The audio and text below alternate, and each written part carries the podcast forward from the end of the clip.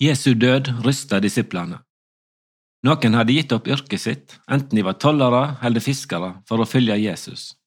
Mange hadde sett sin lit til at Jesus var den som skulle samle folket og kvitte seg med den romerske okkupasjonsmakta. I løpet av et halvt døgn ble alt snudd på hodet.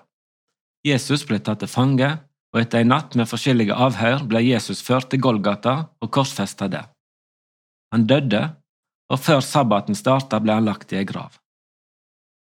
Så gikk det ei stund, og to av disiplene var på tur til Emmaus, en by som ligger 60 stadier, dvs. Si ca. 11 km fra Jerusalem. Byen er i dag helt ukjent, men blir altså huska på grunn av det besøket som vi kan lese om i Lukasevangeliet kapittel 24 fra vers 13.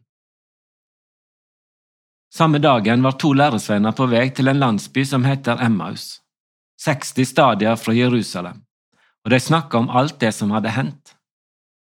Men de nå taler sammen og drøfter dette med hverandre, kom Jesus sjøl og gav seg i lag med dem. Men øynene deres ble hindra i å se, så de ikke kjente han att. Hva er det de går og taler med hverandre om? spurte han. Da stansa de, fulle av sorg. Den ene, han som heter Kleopas, svarer, Du må være den eneste framande i Jerusalem som ikke veit hva som har hendt disse siste dagene. Hva er det? spurte han. Det er med Jesus fra Nasaret, svarer de. Han var en profet, mektig i ord og gjerning for Gud og hele folket. Men overprestene og rådsherrene våre utleverte han, fikk dømt han til døden og krossfesta han.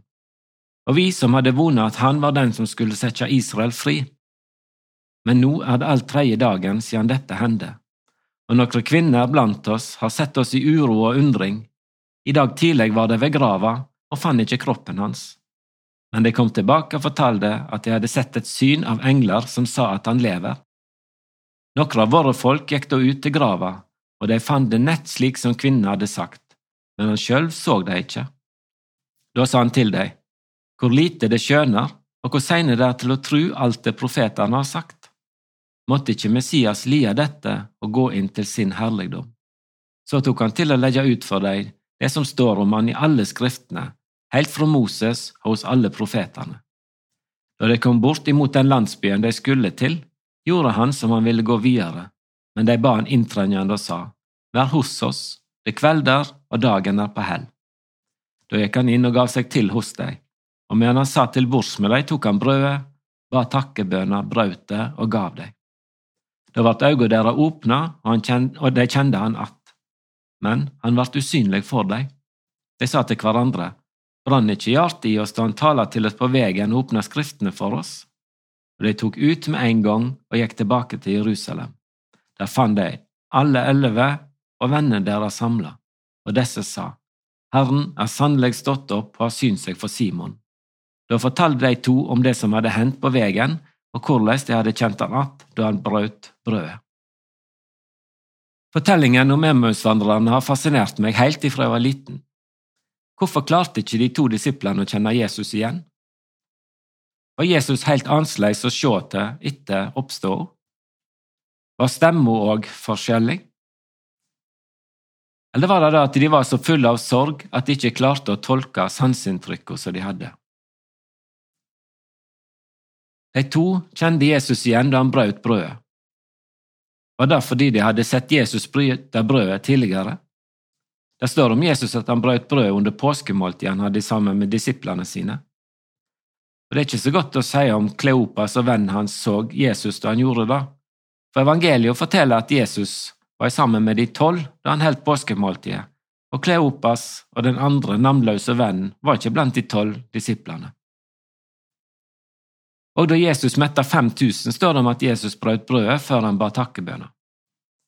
Kanskje var det vanlig å bryte brødet når en skulle ete, og at de to Emmausvandrerne hadde sett så mange ganger på Jesus når han innleda et måltid, at de kjente han og hans måte å bryte brødet på. Eller var det rett og slett sånn at øynene deres ble åpnet på en spesiell, ja bortimot overnaturlig måte da Jesus ba takkebønner? De hadde kjent på en brann da Jesus la ut skriftene for dem mens de gikk etter veien. De hadde likevel ikke forstått at det var Jesus. Det var så mange ting de ikke forsto. De hadde heller ikke forstått at det som hadde skjedd med Jesus i påsken, var det som Jesus hadde sagt at det skulle skje. Minst tre ganger står det i evangeliet at Jesus sa på forhånd at det som skjedde i påska, skulle skje, men disiplene forsto det ikke. De hadde heller ikke forstått at det som skjedde med Jesus, var det som var skrevet i de hellige skriftene fra Moses og profetene. Martin Luther sier i den vesle katekismen i forklaringen til tredje trusartikkelen at jeg tror at jeg ikke av eget vet eller egen kraft kan tro på Jesus Kristus min Herre eller komme til Han. Men Den hellige ande har kalla meg ved evangeliet, opplyst meg med sine gaver, helga meg og holder meg fast i den sanne trua. Fortellingen om Emmausvandrerne forteller at det er mulig å være sammen med Jesus og høre og lese det som står i Skriftene uten at en forstår det. Det blir en påminning om at vi alle trenger å få åpenbare for oss hvem Jesus er. La oss be. Takk, kjære Jesus, for at du møtte Emmausvandrerne og åpna øynene deres. Jeg ber deg, Herre, om at du òg møter oss og lar oss ved Den hellige ande få se evangeliet og holde trua levende i oss. Amen. Det var Olav Vestbøstad som delte Guds ord med oss denne gangen i serien Over en åpen bibel. Den produseres av Norea Mediemisjon. Du finner vårt rikholdige arkiv av andakter på norea.no.